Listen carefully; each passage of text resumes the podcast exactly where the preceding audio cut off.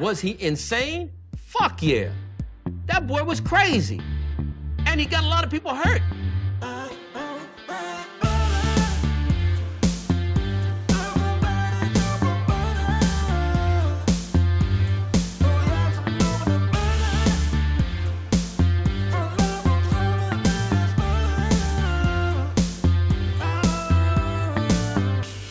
He doesn't like butter. I fucking love butter.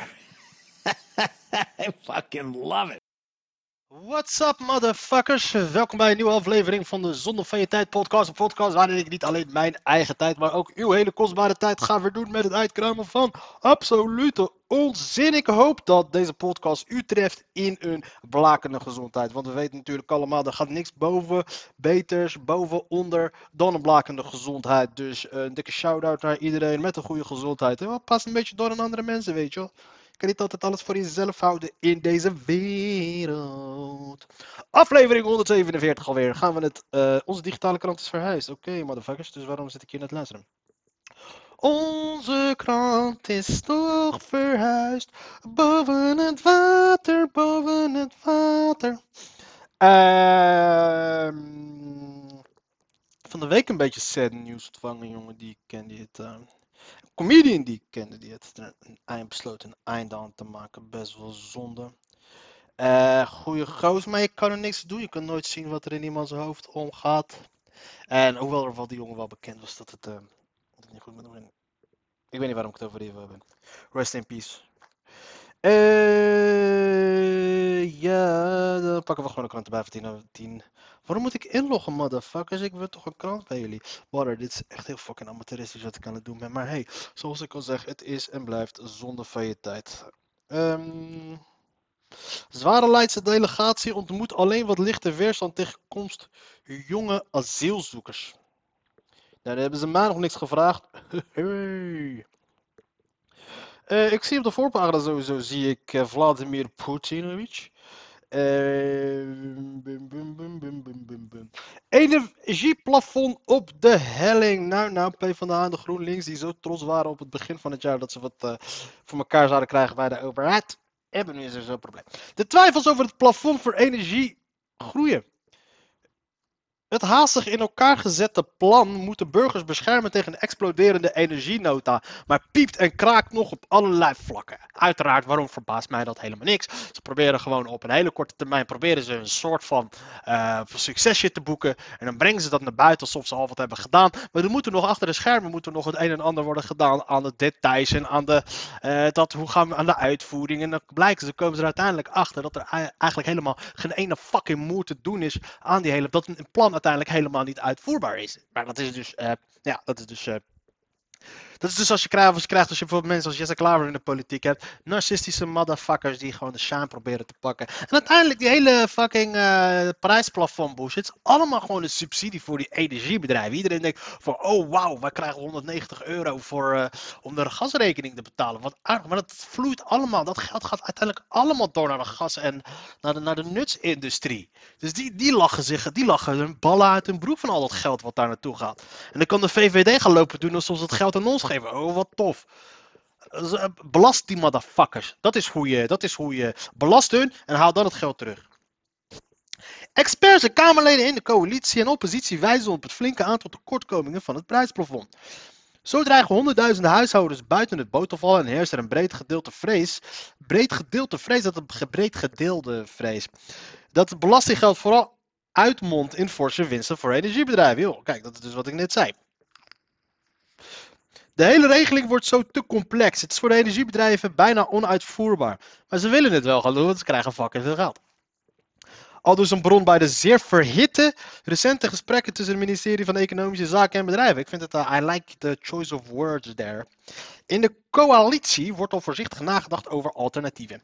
In het parlement gaan er stemmen op ook om een goed alternatief achter de hand te houden voor het geval de invoering mislukt. Het, prijsplafond, blijkt ongelooflijk ingewikkeld in de uitvoering. Daarvoor is gewaarschuwd. De politiek had er in deze vorm nooit aan moeten beginnen, zegt energieconsultant Marien Boonman. Het is volslagen onduidelijk waar dit eindigt. Waarschuwt ook Joris Kerkhoff van prijsvergelijker Independer. In deze vorm is het bijna niet te doen. Vult directeur Hans de Kok van Vergelijkbaar Prijswijs aan. Jezus, wat een hoop namen allemaal en instanties allemaal achter elkaar in een hele korte alinea. Hoe moet ik al deze hoofdrolspelers nou gaan onthouden? Hans Klok van Prijswijs, Prijs Betterwise, ik ben die namen nu al vergeten. Binnen de coalitie gaan al, gaan, gaan al stemmen op om in plaats van het prijsplafond te kijken naar generieke maatregelen. Bijvoorbeeld via lagere energiebelastingen. Met de huidige energieprijzen is dat wellicht voordeliger, zegt de coalitiebron. Ook het doortrekken van de 190 euro uh, compensatie per maand die iedereen voor november. Over temperatuur gesproken. Wanneer gaat het de fuck even kouder worden? De tyfuszooi, man. Ik heb een Canada Goose jas gekocht, gekocht die ik heel graag wil aantrekken. Maar ik ga hem niet aantrekken met dit weer, want het is gewoon veel te warm om nu een Canada Goose jas aan te trekken van uh, 1200, uh, die me 1200 uh, lira, heeft gekost. Hoeveel heb je betaald, Barre? 1200! Drugslieren heb ik ervoor betaald. 1200? 1200 drugslieren heb ik ervoor betaald, broer. Echt shit. Jezus, 1200 drugslieren. Dus, uh, oh. Uh, binnen de coalitie gaan al stemmen op om in plaats van een prijsplafond. Ik ben al klaar met deze hele fucking energietransitie gebeuren. Uh, Rusland trekt zich terug uit Gerson. Vertrouw die bedrijven niet op voorhand op hun blauwe ogen. Natuurlijk moet je dat sowieso niet gaan doen. Wie vertrouwt er nou in godsnaam bedrijven op hun mooie blauwe ogen? Ja. Zie je hoe racistisch die spreekwoord is? Als je mooie blauwe ogen hebt, dan word je dan vertrouwd. Waarom vertrouwen we niet iemand met een kroeskop en een fucking zwarte, zwarte rood doorlopen ogen? Ja, Barre, als jij graag je eigen spreekwoorden wilt hebben, moet je op rot naar je eigen land. Dan kan je lekker al je eigen spreekwoorden erop nahouden die je maar wilt. Ja? Vertrouw hem niet op zijn mooie bruine ogen, waar de, waar de, hè, waar de, waar de, waar de, waar de wonders, waar de, waar de Jezus slipper niet wringt. Of de alle oude geiten uit de koe dempen. Of uh, voor spreekwoord heb je dan weer? Je weet nooit hoe een, uh, hoe een ezel een, uh, een geit pakt. Weet ik. Herfstdip! Columnisten zijn net mensen. En deze column gaat even niet zo lekker. Ik slaap al weken slecht, heb vreemde dromen en word afgepeigerd wakker. Ik schiet steeds in de stress van mailtjes en berichten met vervelende verzoeken en vragen. Laat me alsjeblieft met rust. Ik begin drukke plekken en heftige prikkels te mijden waar ik voorheen juist van opleefde. Laat mij maar alleen even met mijn melancholische oeuvre van Taylor Swift. Ik studeerde psychologie en heb als zelfbewuste millennial ook drie jaar therapie gehad. Dus ik ga weer bij mezelf te raden. Is dit een herfstdip en heb ik wat zonlicht nodig? Ben ik down door de deprimerende staat van de wereld of is dit een echte depressie? Er hangen wel vaker donkere wolken boven mijn hoofd. Het kan ook een midlife crisis zijn of de beruchte burn-out die al veel vrienden onderuit haalden. Het is waarschijnlijk een beetje van alles. Nu kan ik grappen blijven maken en alles weglachen, zoals van mij wordt verwacht. Ik kan tegen mezelf zeggen uh, dat ik me niet moet aanstellen. Juist nu mijn carrière in de lift zit en ik alleen leuke, alles leuke dingen mag doen. Hier heb ik toch jaren naartoe gewerkt. Weet je wie het pas echt zwaar hebben? Mensen met kinderen. En trouwens, ik kan het me, pas als, ik kan het als freelancer ook niet veroorloven, veroorloven om klussen af te zeggen. Dan belt niemand me meer. Nou, wat dan? Maar ik moet nu ingrijpen voor ik straks verder van huis ben. Daarom veeg ik mijn agenda leeg, zeg nee tegen tijdrovende verzoeken en focus me op twee dingen waar ik voldoening uit haal. Deze wekelijkse column, sure, en werken aan mijn nieuwe boek. Ik plan zo min mogelijk vooruit, maar kijk per dag wat ik aan kan en wie ik wel zie en negeer schreeuwerig. Oké man, uh, Haroon Ali, je hebt normaal, normaliter heb je best wel soms coole takes, interessante uh, kijk op de actualiteiten, maar in jouw, persoonlijke modus ben ik absoluut niet in ge ge ge geïnteresseerd. Ja, uh, misrekening van inflatie kan OZB fors doen stijging. Wat is onroerend zaakbelasting? Oh ja, dit, dit is wel shit wat mij het was shit. Huizenbezitters hangt een tegenvaller boven het hoofd door een rekenfout van de gemeente. Het inflatiecijfer is namelijk te laag ingeschat. Waarom kunnen ze pas alleen achteraf wel dingen herstellen in ons nadeel, maar nooit in ons voordeel? Vereniging Eigen Huis denkt dat de onroerende zaakbelasting het kind van de rekening is. De waterschapbelasting stijgt al meer dan 10%. Jezus Christus, mensen, doe even normaal voorspelt de Unie van Waterschappen. En het lijkt erop dat gemeenten ook een gat in hun begroting moeten dichten. In de begroting 2022 is de inflatie lager geraamd dan in werkelijkheid, zegt de woordvoerder van de Vereniging van de Nederlandse Gemeenten. Dat levert een financieel gat op. Nou, oké. Nou, godverdomme. Russen weg uit Gerson. Nou, dat is toch wel een soort van goed nieuws. Ik heb al eh, een paar dagen het hele shit in Rusland heb ik niet gevolgd, omdat ik eh, geen flauw idee eigenlijk waarom ik het niet heb gevolgd. Ik heb wel een nieuwe microfoon. Ik weet niet in, in hoeverre dat sommige mensen dat wel een soort van cool vinden. Maar ja, ik heb dus een eh, microfoon. Ik heb een microfoon waarin ik zingen kan zingen en dingen kan zingen vanaf het beginnen tot aan het einde. Ik denk dat freestylen wel een goede manier is voor je om je creativiteit op beurs te beurt te gaan houden. Ik denk dat ik gewoon een van deze dagen gewoon een hele freestyle sessie ga organiseren en ga rappen over dingen die uh, om me heen. Oké, Russen, Russen, die lopen nu te kutten in Oekraïne. Het is veranderd in een ruïne. Omdat de heer Poetin dacht dat zijn leger wel zo goed ging. Maar wat bleek nou op het eind? Geind, eind. Waarom eind, eind, eind, bijnd, zijn, eind. Eind, eind. Eind, eind. Eind, daar, daar, rijmen weinig woorden op. Eind, eind, snijnd, knijnd, gnijnd. Terwijl je, ne terwijl je neptaal gaat verzinnen. Eind, snijnd, snijnd, snijnd. Russen weg uit Gerson. Rusland trekt zijn troepen terug naar de oostelijke oever van de Dnieper. Dnieper. Dat betekent dat het, dat het stad Gerson opgeeft. Het is opnieuw een zware klap voor president Vladimir Putin en kan een keerpunt worden in de oorlog. Weken werd erover gespeculeerd, maar nu lijkt het zeker. Rusland trekt zijn troepen terug van de westelijke oever van het Dnieper. De Russische minister van Defensie Sergei Shoigu gaf het bevel na overleg met zijn bevelhebber in de Oekraïne. Generaal Sergei Shoigu, volgens Surovikin was het een moeilijke beslissing, hij is noodzakelijk om levens van de Russische soldaten te sparen. Want dat is heel erg geloofwaardig natuurlijk. Want als, als je iets gelooft natuurlijk, dan is het wel dat, dat Vladimir Poetin enigszins een soort van geïnteresseerd is in het leven van de Russische soldaten. Aangezien hij ze gewoon letterlijk de gehaktmolen instuurt al vanaf het begin van de hele, oorlog. Onvoorbereid, totaal geen logistieke planning, totaal geen idee erachter van wat uiteindelijk zijn objectives waren. We gaan maar, we zien het wel. Hij doet gewoon zoals ik mijn hele leven een soort van een beetje aanpak. Zo is Vladimir Poetin de Oekraïne binnengegaan. En ik kan je dus uit eigen ervaring vertellen, Vladimir Poetin, yeah, it ain't gonna work. Het gaat nergens op slaan. Dan sta je dan na een paar 38 jaar, sta je daar dan nog steeds met, hand, met een hoofd vol dromen en waanideeën en waanbeelden. Denk het van jezelf dat je een een of andere grootheid bent, uh, groter bent dan je in daadwerkelijkheid bent. Maar in principe nader je het einde van je leven. Het, nog ineens echt het einde van je leven, maar het einde van je vruchtbare, productieve leven. En je takelt beetje bij beetje bij beetje af. Je zult daarna nog best wel lang leven, maar je zult zo ongelukkig zijn omdat je totaal niks meer kan produceren. Totaal niks meer van waarde zal zijn. Oké, okay, je slaat een klein beetje door. Uh, kennelijk moet je even met iemand gaan praten. Ja, ik denk het wel sowieso. Maar uh, de beslissing van Shukju werd uitgezonden op televisie en lijkt dus definitief de belangrijkste consequentie is dat Rusland, ik heb dat dingetje trouwens gezien op televisie, het leek gewoon echt letterlijk op een hele slechte toneelstuk. Gingen, ze gingen dan met die Shukju praten, opgenomen met een of andere Samsung-telefoon, denk ik. En dan had hij zijn, gaf hij zijn opdracht aan die persoon, maar hij, die, die generaal, aan wie hij die opdracht gaf, stond hij bij hem in beeld. Dat werd een aparte take, dus dus, dus dat was een andere teken. Hij stond dan weer ergens anders. En ze hadden hem dan gewoon echt vanaf zijn middel op. Vanaf, de, vanaf zijn, uh, de helft van zijn middel hadden ze hem opgenomen. En dan ging hij op reageren. Yes, I will do that. I will uh, fulfill your orders, General. We will take away those people and we will set them. En we gaan ze hier plaatsen. Hier gaan wij onze soldaten neerzetten. En dan wees hij zo. Volgens mij was dat dan de linkerkant van de Dnieper. En dan wees hij op de kaart waar hij dan zogenaamd dan al die soldaten neer zou gaan zetten. En het zag er zo nep uit dat ik oprecht denk, oké, okay, proberen ze hier een of andere soort van Jedi mind trick te doen of zo. Ik bedoel, iedereen ziet dat dit gewoon zo slecht geacteerd is.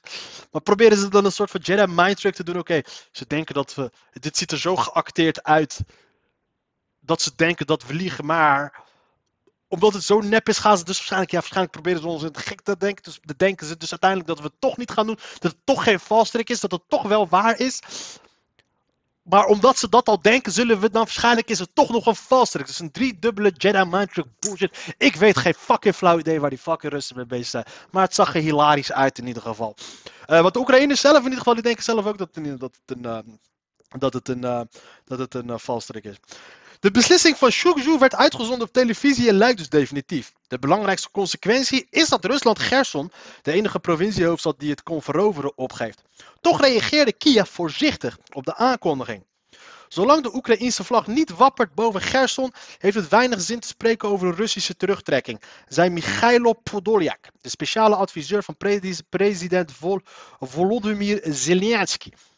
Wij houden nooit rekening met Russische verklaringen. Wij, wij, kijken naar de daden op het terrein. Oekraïne heeft er altijd rekening mee gehouden dat de terugtrekking uit Gerson een Russische list was om het Oekraïnse leger in de val te lokken. Maar ditmaal lijkt er weinig twijfel over het bestaan dat Rusland een westelijke oever opgeeft. Zie je? Dus uiteindelijk is het toch wel een valstrik. Maar misschien denken de Oekraïners, weet je wat, we gaan doen alsof, we, alsof, het, alsof we niet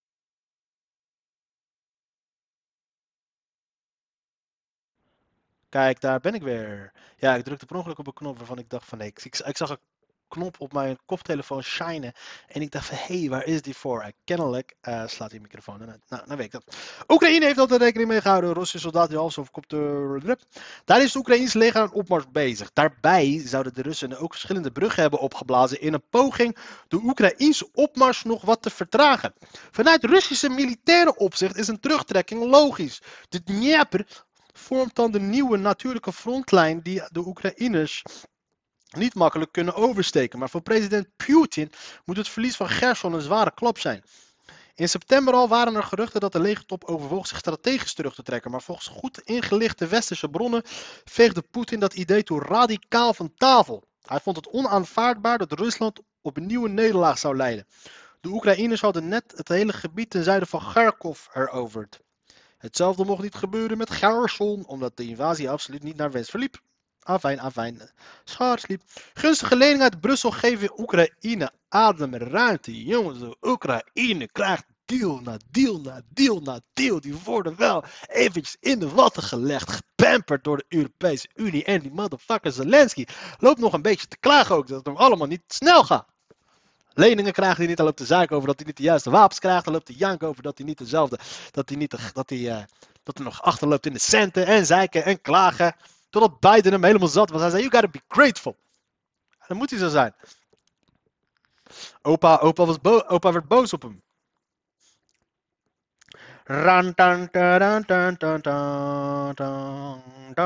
Oké. Georgia. Nou, dan gaan we verder. uiteraard was er ook nog in het nieuws de Amerikaanse uh, deelstaatverkiezingen. Nou ja, deelstaatverkiezingen. De mid-year, de tussentijdse verkiezingen. Dat is het beter woord daarvoor. Uh, in de, de, de, de, de, de, tussentijdse verkiezingen waren dus in. Um, Amerika. En waar iedereen er dus bijvoorbeeld al van een soort van van uitging dat het helemaal de pleuris in zou gaan lopen. Dat het helemaal naar de malle moer zou gaan voor onze goede vrienden Joe Biden en al die andere uh, woke leftist motherfuckers. Ik weet niet waarom ik ze zo loop te noemen. Ik denk het klinkt zo leuk en aardig. Maar het viel mee. Um, het, zou, het, zou, het zou worden gezien als een soort van. Uh, het zou worden gezien dus als een grote overwinning voor de Republikeinen. Maar vooral ook voor Trump. Maar het is uiteindelijk niet echt een hele grote overwinning geworden voor de Republikeinen. En alles behalve dat zeker niet voor Trump. Want Trump heeft op zijn Lazarus gekregen. Van alle uh, de, de, de, de belangrijke verkiezingen waarin hij dus de mensen had gesteund. Uh, die zijn verloren. En een van de belangrijkste natuurlijk is de televisiedokter Mohammed Oz in Pennsylvania. Die verloren had van John Fetterman. En, um, en verder ook enkele statenverkiezingen. New Hampshire, dat die was geen succes. de, de, de, de, de, de, Pennsylvania was vooral heel erg belangrijk. Natuurlijk omdat Pennsylvania een swing state is. En daar deden er echt de, de, de legit crazy MAGA people deden daaraan mee. Die wouden daar meedoen met die verkiezingen. Dat deden ze dus ook omdat ze dus dan ook echt invloed zouden gaan hebben op de verkiezingen die in 2024 zouden gaan komen. Die chaos die we dus in 2020 hadden gehad. Met het stemmen, tellen van de stemmen. Die hele ruïna wat er in Florida was gebeurd in 2000.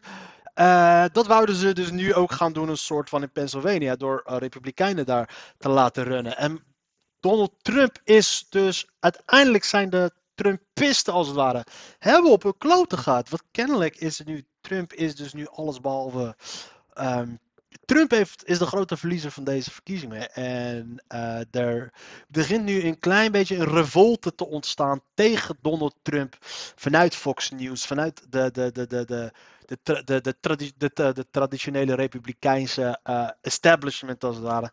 Zie je nu meer eh, proberen te zagen tegen de, aan- de poten van, eh, van, van, eh, van Donald Trump. Je had Chris Christie, die zat al op zondag bij, eh, bij die Griek aan tafel.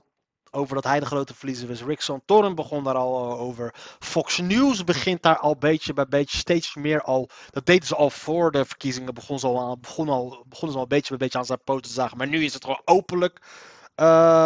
hebben ze hem al tot verliezer van deze verkiezingen verklaard. En eh, de grote winnaar is natuurlijk dan Ron DeSantis. Die dan met 20 punten verschil Florida had gewonnen. En eh, Florida officieel nu een rode staat heeft gemaakt. Ehm, met, eh, ja, met, met, met trucjes. Hij heeft de, de, de, de, stemmen, het, het stemmen heeft hij daar wel weten te onderdrukken. Waardoor hij dus echt met miljoenen stemmen verschil heeft gewonnen daar in Florida. En hij is nu de grote man. En er gaat nu een, er gaat nu een burgeroorlog ontstaan binnen de, binnen de, de, GOP. Binnen de Republikeinse garde. Wat Trump, hoe je het vendt of keert. Er is nog steeds gewoon een diehard groep mensen. Ik weet niet hoeveel mensen dat zijn eh, eh, binnen de. Voor de verkiezingen waren het, waren, werd het geschat ongeveer een derde. Maar laten we dat het, gaat afnemen nu. Omdat ook steeds meer mensen gaan inzien dat hij de, de partij eigenlijk meer een blok aan de been is van de partij. Dan gaat het een kwart worden. Dan gaat het ongeveer een kwart worden. En ehm, er gaat een wereld. Er gaat een, er, gaat, er gaat een oorlog ontstaan. Want Donald Trump gaat berserk. Donald Trump gaat crazy. Donald Trump gaat. eh, voor wie, iedereen die dacht dat Donald Trump gek was, nu al gek was. Luister, die motherfucker wordt nog gestorder. En ik hoop oprecht dat Elon Musk hem zo snel mogelijk weer terughaalt op Twitter. Want dit moeten we zien. Dit is gewoon een, een, een oorlog tussen de Republikeinen die gewoon in het openbaar gespeeld moet gaan worden. Want het is gonna be beautiful. Het wordt prachtig. Eh, de Republikeinen winnen, de Democraten juichen. Raar volkje, die Amerikanen. De Republikeinse Partij heeft bij de midterms de verkiezingen halverwege de regeringsperiode van een president een beetje winst geboekt. Ze behalen de meerderheid in het Huis van Afgevaardigden, zeg maar het Lagerhuis. De zege kan nog groter worden. Eh, I don't know. Georgia bepaalt pas in december wie het Senaat wint. Georgia, Nevada en Arizona. En dat is een goed voorbeeld van eh, hoe, hoe, hoe mensen zich, steeds meer mensen zich tegen Trump aan het keren waren. Georgia was zo'n voorbeeld waarin dus een eh, camp, de gouverneur eh, Rob Camp of George Camp, weet ik hoe die heet, die moest het opnemen tegen Stacey Abrams, een democraat. En eh Raphael Warnock moest opnemen tegen eh, Herschel Walker, een voormalige American voetbalster. En waar Rob Camp, die anti-Trump, stond, bekend stond als anti-Trump, of eerder ja, stond bekend als niet echt een vriend van Trump, Trump haatte hem. Eh, die heeft de gouverneursverkiezingen echt makkelijk, easy peasy gewonnen binnen een zonderslag volgens mij met 8 of 9 procentpunten verschil.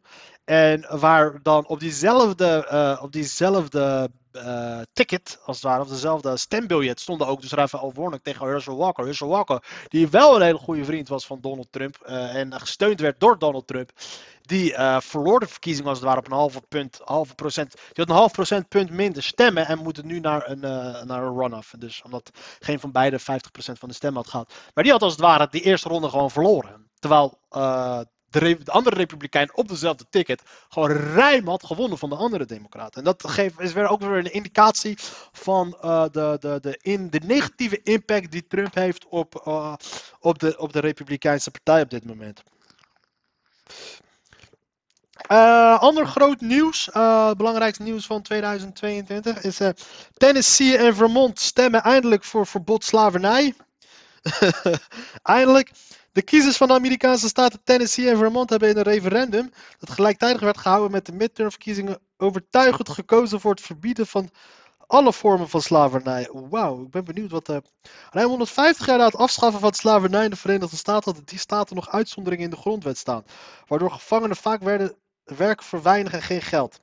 De uitslagen van de referenda bieden hoop voor de veroordeelden die zich verzetten tegen dwangarbeid. Juristen vertelden aan de krant New York Times dat de referenda geen directe gevolgen hebben, maar wel de positie versterken van gevangenen. In Louisiana werd een voorstel om slavernij te verbieden juist verworpen. Of course. Het voorstel is volgens de tegenstanders dermate vaag dat slavernij juist in meer gevallen mogelijk zou maken. Dat is ook weer absolute onzin. In Alabama stemden mensen voor het schrappen van racistisch en ouderwets taalgebruik en overblijfselen uit sla slaventijd uit de grondwet. Oké, nou. Alabama! Alabama, you surprise me! Probleem met stemcomputers voer voor complottheorie. Want natuurlijk de, de, de, de Republikeinen en de uh, crazy recht, het, het gestoorde rechtsspectrum kan weer niet tegen zijn verlies. En die geven dus dan waarschijnlijk weer de, de schuld aan, aan, aan verkiezingsfraude. Want er loopt nu één, één, um, één hoe noemen we dat? Eén gouverneursrace loopt nog. Er is nog één echte prominente. Die gaan we nu even gelijk opzetten. Er is nog één prominente Trump-aanhanger in een, in een race verwikkeld. En dat is Carrie Lake tegen Hobson voor de. Voor de. Hoe noemen we dat? Voor de, voor de gouverneurschap van Arizona. En. Um, daar zijn dus in, uh, en daar hebben ze dus problemen gehad met het tellen van de stemmen, stemmachines, et cetera. En dat is meteen.